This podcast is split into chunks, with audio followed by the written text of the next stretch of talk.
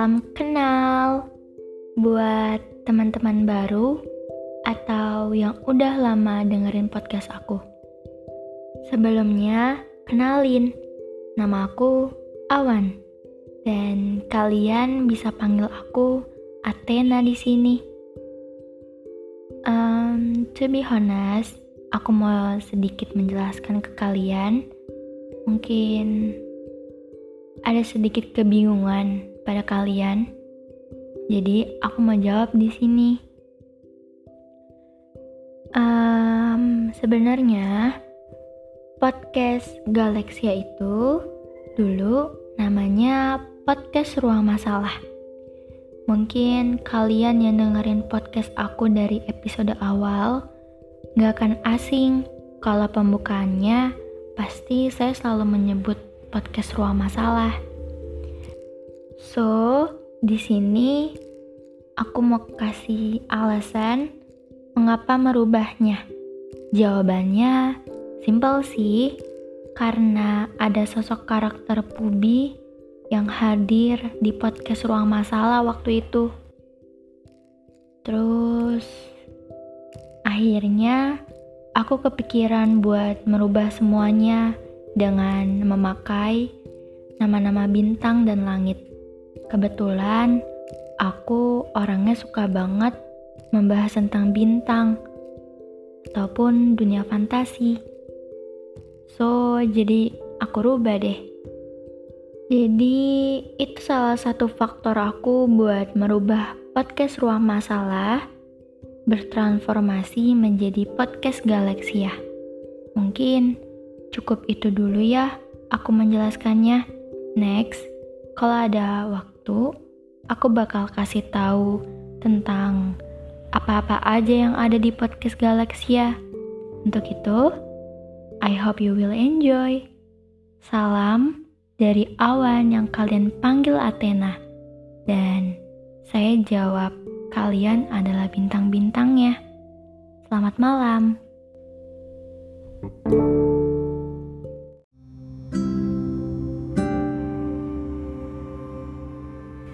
Pada nyatanya, setiap manusia yang mencintai akan meminta haknya untuk dicintai kembali.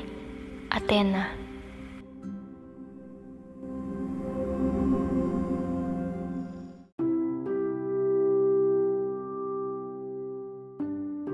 Halo, selamat malam buat para bintang-bintang yang sedang menghiasi mimpi mereka dengan cahaya.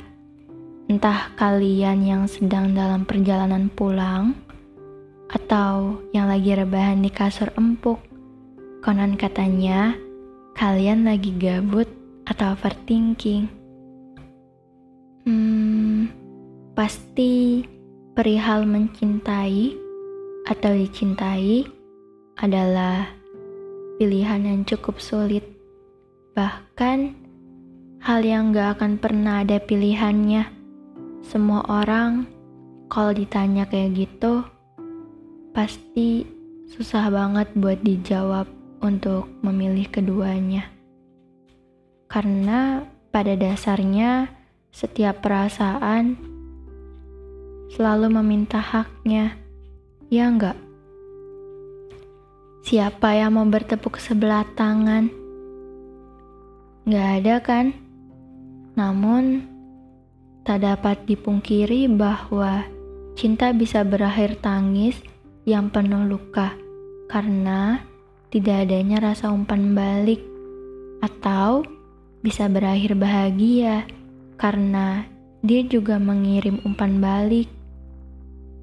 Tetapi, definisi cinta yang dimaksud adalah perasaan yang menginginkan dia yang kita cintai bahagia, walaupun kata sadisnya bukan sama kita. Bohong banget kalau dia gak mengalami rasa sakit dari keikhlasan tersebut. Cuman, itu hebatnya kekuatan cinta yang sebenarnya cinta perihal mencintai, entah akan berujung dicintai dia atau kita yang dicintai diri sendiri. Begitupun sebaliknya, posisi dia yang mencintai kita dan kita belum ada perasaan ke dia. Entah karena belum waktunya atau kita memang tidak bisa mengirim umpan balik ke mereka. Dan beberapa dari kalian pasti pernah mengalami hal kayak gue udah cocok nih sama dia, eh tahu-taunya dia nggak cocok sama kita, atau dia udah cocok sama kita, tapi malah kitanya yang nggak cocok sama dia. Ini bukan suatu hal yang aneh, sebab memilih pasangan juga gak mungkin asal memilih kan. Namun, sebagai manusia, kita juga gak boleh menitik beratkan kata sempurna untuk mencari orang yang pantas buat kita. Karena kita sendiri pun manusia yang jauh dari kata sempurna. Begitupun seluruh manusia di muka bumi ini, tiada yang sempurna. Tetapi kita bisa mencari kesempurnaan itu. Gimana? Gimana caranya? Dengan dia yang siap menerima segala hal tentang kita, dan kita dapat menerima segala hal tentang dia. That's so simple. No, wait, wait, wait. Gak semudah itu mencari dia yang sesungguhnya dia, karena dia sangat langka. Dari 7 juta manusia di muka bumi ini, hanya satu hanya satu orang yang menjadi cinta sejati kita. Perjuangan kita buat mencari dia pun gak semudah ngerjain matematika satu tambah satu. Tidak, sangat-sangat-sangat tidak. Karena kita mencari dia seperti mencari sebuah jawaban dari soal matematika yang membutuhkan lebih dari satu rumus. It's so hard, but it's so fun. Well, I say that karena kita berusaha menemukannya. Pasti ada aja ujiannya. Contohnya, saat mengerjakan soal matematika, entah kita lupa taruh angka atau lebih dulu perkalian atau pembagian, ya kan? Tapi dari hal keliru tersebut, kita jadi terlatih buat teliti. Kita jadi tahu jawaban yang benarnya gimana, ya kan? Sama kayak cari dia, akan banyak orang yang kita lewati. Sampai akhirnya kita berhenti pada stasiun terakhir. Kita menemukan jalan rumah yang sebenarnya rumah. Jadi, perihal mencintai dan dicintai dua hal yang saling mengaitkan antara kita dengan dia atau kita dengan diri sendiri.